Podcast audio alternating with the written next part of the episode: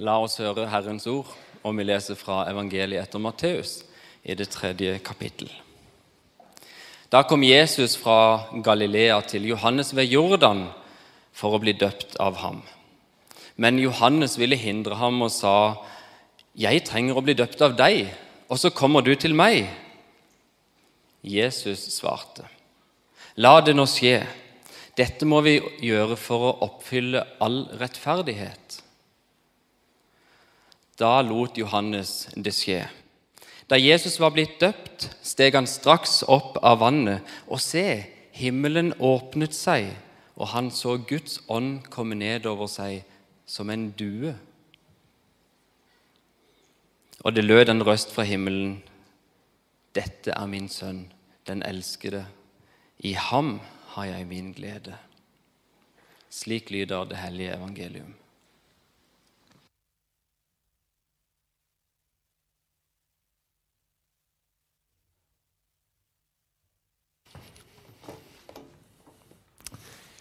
God søndag. Så fint å få feire gudstjeneste med dere.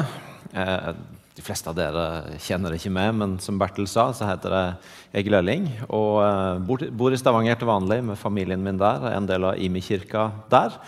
Eh, og For mange år siden, skremmende mange år siden så var jeg en del av denne kirka og var kollega med Bertel her. Og Det gjør jo at det er litt ekstra stas å få være på besøk i dag. dette er en kirke som har betydd vært kjempeformende i mitt liv. Det var på mange måter i tida her at jeg skjønte at det å tro på Jesus ikke bare var å holde noe for sant, men det var å følge etter. Eh, og at det å leve med han ikke bare var å møte opp på noen ting, men å leve et hverdagsliv med. Så denne menigheten har betydd masse for meg, og det kjempefint å få bruke en søndag sammen med dere. Jeg ser jo at Storsalen har gått videre og framover siden sist, i hvert fall med trekkspillmusikk. Eh, så det er strålende. Det hadde vi ikke i min tid. Veldig bra. Eh, vi har fått høre en tekst, og jeg skal eh, snakke om den, men jeg skal begynne et litt annet sted.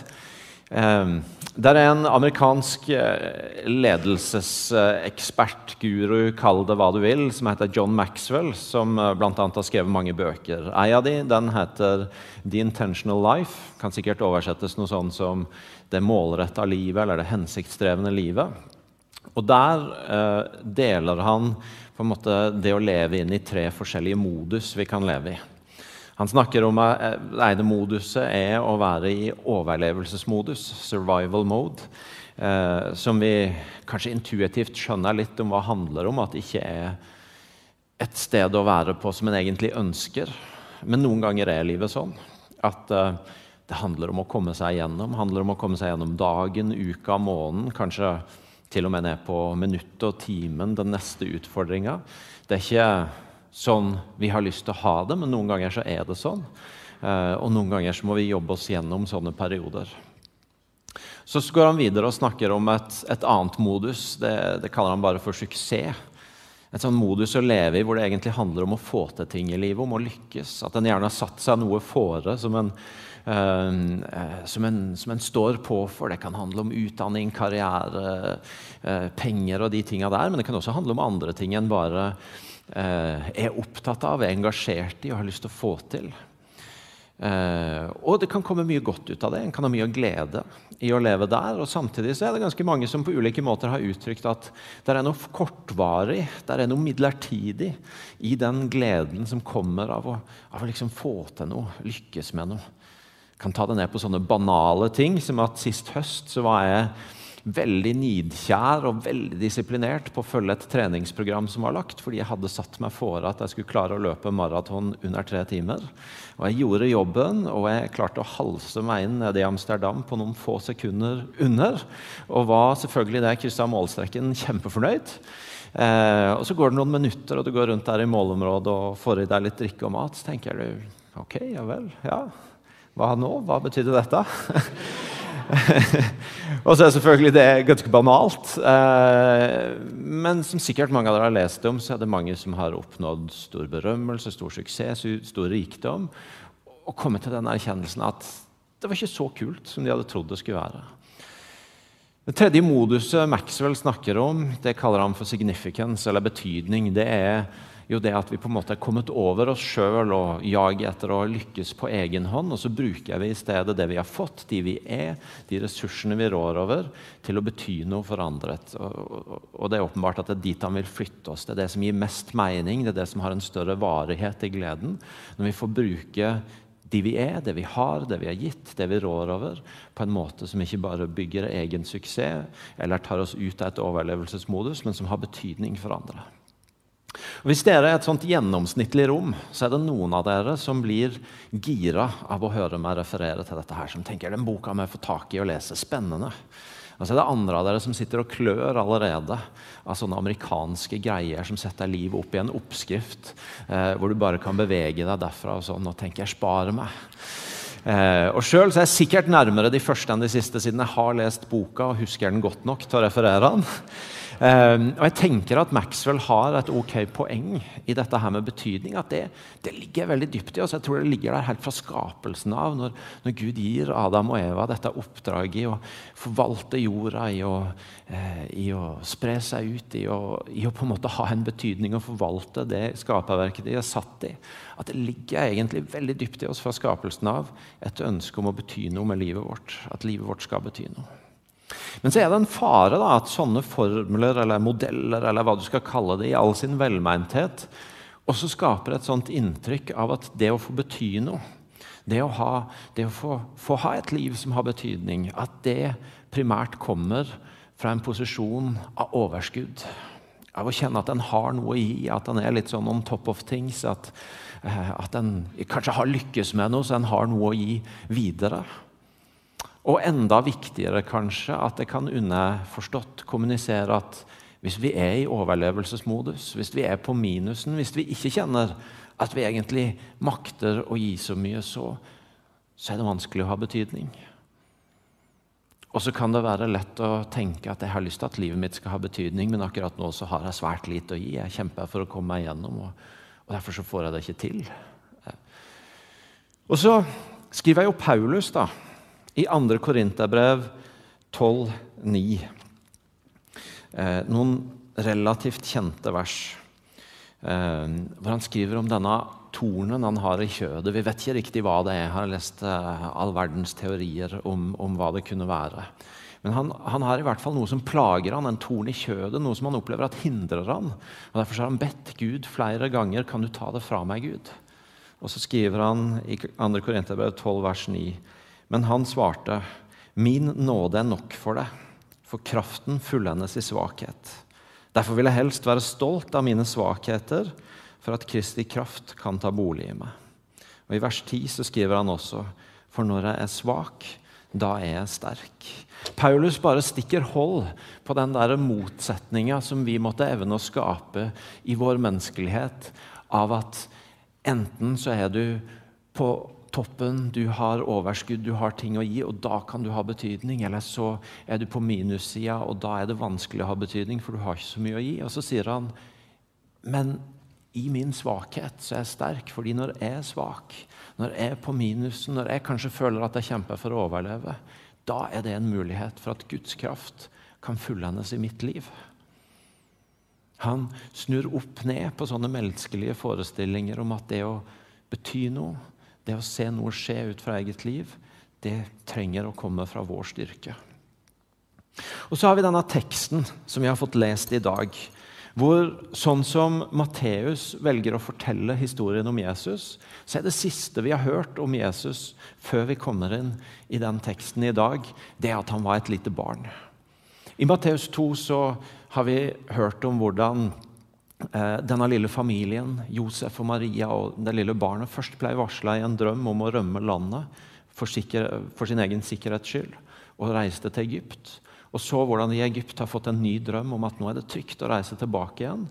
Og Det siste vi har hørt om Jesus før teksten som kom i dag, er at det sto om Josef at han sto opp, tok med seg barnet og barnets mor og kom til Israels land.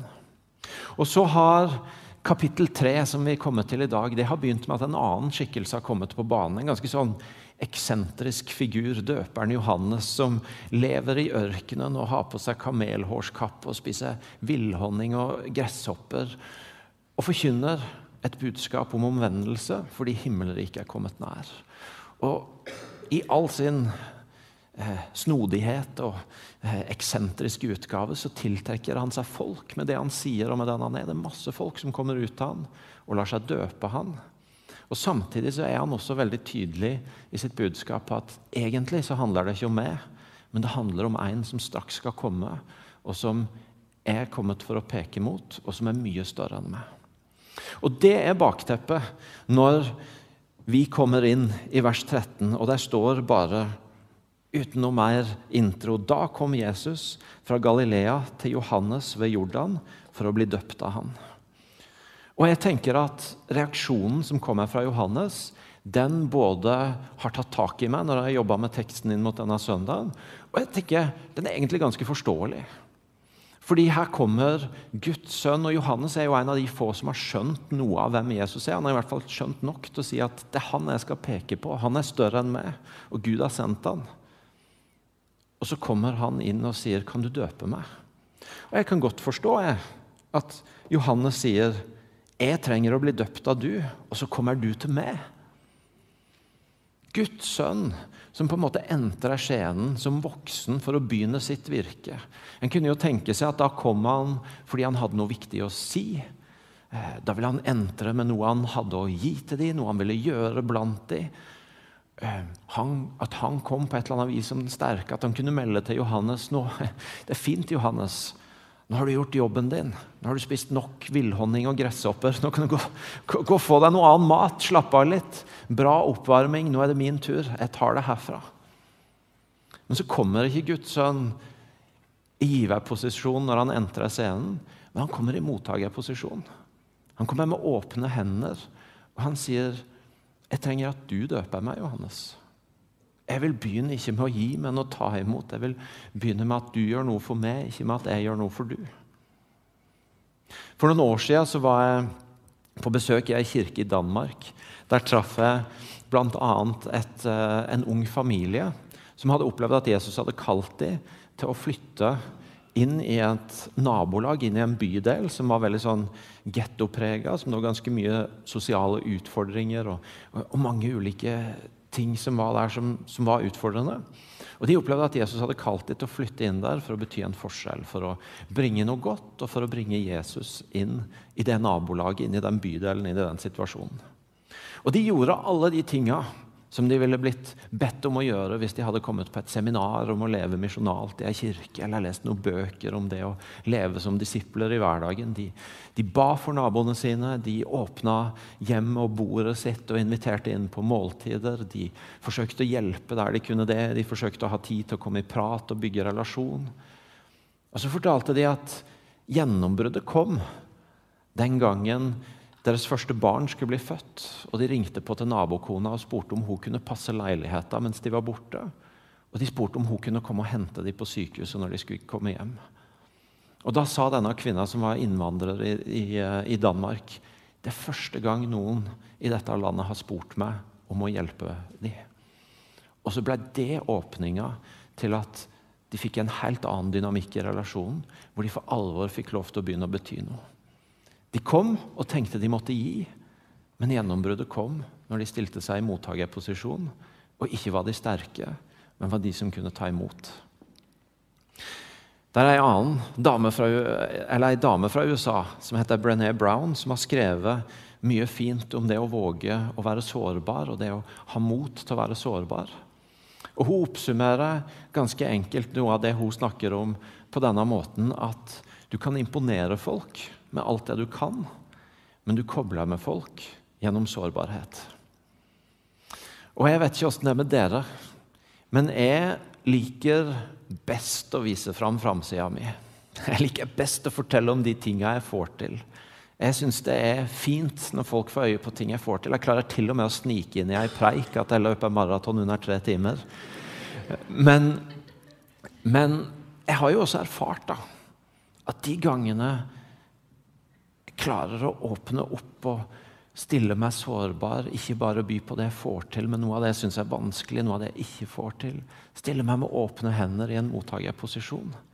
Det er vel så ofte da at folk sier at det betydde noe for meg. Nå følte jeg jeg kom nærmere deg. Nå følte jeg at det åpna seg et rom her hvor det skjedde noe.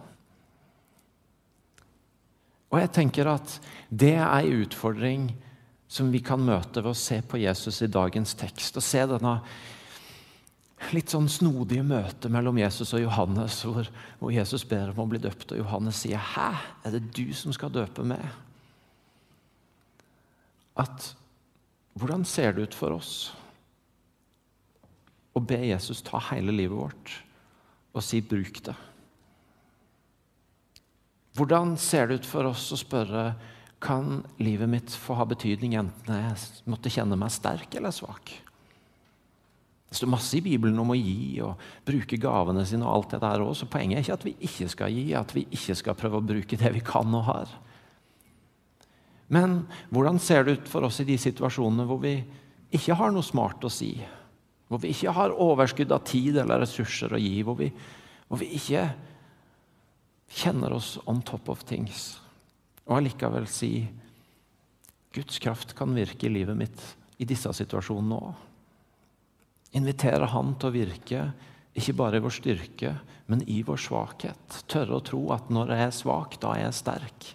Fordi i Hans kraft fullendes i vår svakhet. Jeg tror det er en reise.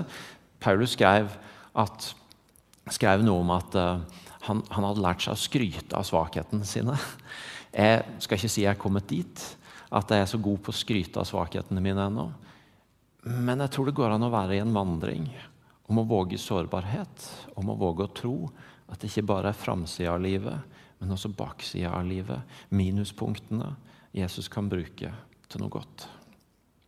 Og Så henger kanskje det sammen da, med det som kommer etterpå. Denne her scenen hvor når Johannes sier ok, ok, jeg skal døpe deg. Og Det står da lot Johannes det skje. Og Så kommer denne hendelsen hvor Den hellige ånd kommer ned og er Jesus som en due og denne stemmen lyder som sier, 'Dette er min sønn, den elskede. I han har jeg min glede.' Et fantastisk budskap. Og det er jo helt åpenbart at det, det som ligger i dagen for oss der å ta imot fra denne teksten og fra den hendelsen, er disse ordene som lød over Jesus, men som også lyder over ditt og mitt liv. At på samme måte som Jesus fikk høre disse ordene før han hadde gjort noe som helst, før han hadde utretta noe som helst. Han hadde ikke holdt en tale, han hadde ikke gjort et mirakel. Så er bekjennelsen fra far over han Du er min sønn, den elskede. Jeg har min glede i deg. Det lød over Jesus sitt liv, og det lyder over vårt liv. Og Samtidig så er det noe med Jeg hørte en gang en predikant som hadde forkynt noe tilsvarende budskap. Ikke akkurat den teksten, men noe av det samme om, om at vi har vår verdi i de vi er og ikke alt vi gjør. Og Så hadde det kommet en mann til han etterpå og sagt fin tale, men det er litt rart at det er så ofte folk som først har fått til noe bra, som etterpå står og forkynner at men verdien kommer jo ikke i, i det du gjør, men i de du er. Og Den historien har fulgt meg fordi jeg tror den sier noe om at samtidig som dette her er et nydelig budskap, så er det litt utfordrende å få grep om òg.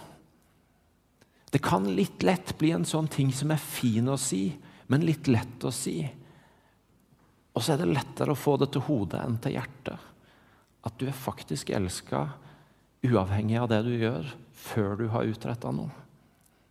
Vi vet at vi strever med det. Vi har et samfunn rundt oss som prøver å bøte på at vi leter etter verdien vår med å tyte inn på alle mulige måter at du er, bra, du er bra nok, eller mer enn bra nok, eller du er helt perfekt. Men budskapet her er jo ikke at du er bra nok eller perfekt, men at du er verdifull uansett, for du er elska før du har gjort noe som helst. Og noen ganger så får folk et radikalt møte med den kjærligheten, og så blir alt snudd på hodet. Men ganske mange andre ganger, og jeg sjøl er en av de, så er det å lande i det mye mer en prosess enn en enkelthendelse. Det å over tid oppleve at noe får rom i hjertet av at min verdi ligger et annet sted, nemlig at disse ordene lyder over mitt liv også. Kanskje skjønte Gud i all sin visdom at Dette var litt utfordrende for oss å få tak på. Derfor så skriver Paulus også i Romerne 8 at dere har fått Ånden som gir rett til å være Guds barn, den som gjør at vi roper 'Abba, far'.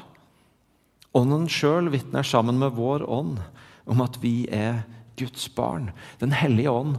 Vi, vi trenger drahjelp for å helt lande i dette her. Det er noe av det Den hellige ånd gjør, det er å hjelpe oss til å lande i at du er elska. Du er den Gud har behag i. Og det lyder før du har gjort noe som helst for det. For min del så har den prosessen handla veldig mye om å bli stille for Gud. Det står et vers i 1. Johannes 3,9 som er et av mine livsvers, hvor det står at vi stiller våre hjerter til ro for Hans ansikt. Og når jeg i, noen, noen, av de siste åra i mitt liv, i løpet av de siste fem åra i mitt liv har opplevd noen ting har storma rundt meg som har gjort at jeg har kjent meg skaka noen ganger, så har det å stille hjertet mitt til ro for Hans ansikt blitt min arena for å ta imot at 'Jeg er din, pappa. Jeg er din'. Og sjøl etter 40 år med tro på Jesus, enda mer få lande i at det er der identiteten min kommer fra. Så det jeg håpa at vi kunne ta med oss fra denne teksten i dag, det var på den ene sida en invitasjon til å gi hele livet ditt til Jesus og si kan det få ha betydning?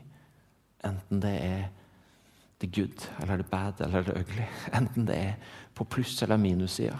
Kan du bruke det, Jesus? La din kraft fullendes i min svakhet. Og på den andre sida å stille hele livet vårt framfor Gud og si La meg få lande i at jeg er av deg, helt uavhengig av hva jeg har gjort eller ikke gjort. For, som vi skal synge i en sang sammen nå rett etter talen, det er du som forteller meg hvem jeg er. Den er det er den du sier at jeg er. Og det han sier over livet ditt, det er at du er min sønn eller min datter den elskede, som jeg har min glede i. Gode far, takk for at det er din sannhet over våre liv. Og takk for at du har skapt oss alle for å ha en betydning. Men du har ikke gjort det til en kamp om hvem som fikser livet mest. Men du har gitt oss en invitasjon til å gi hele livet til du, og la din kraft få fullendes i vår svakhet. Så takker jeg deg, far, for at du sendte din ånd for å hjelpe oss til å få grep om dette her. Der hvor du ser at det er så lett for oss å ha lyst til å gjøre oss fortjent til, har lyst til å være ovenpå, har lyst til å lykkes. Så har du sendt din ånd for å hjelpe oss å lande i at verdien kommer fra et annet sted. Så nå inviterer jeg deg, Hellige Ånd, bare til å virke i dette rommet, når vi nå er stille et lite øyeblikk. Berør oss, berør hjertene våre. Ta oss dypere inn i at du er en far som elsker, uavhengig av og før vi har gjort noe som helst.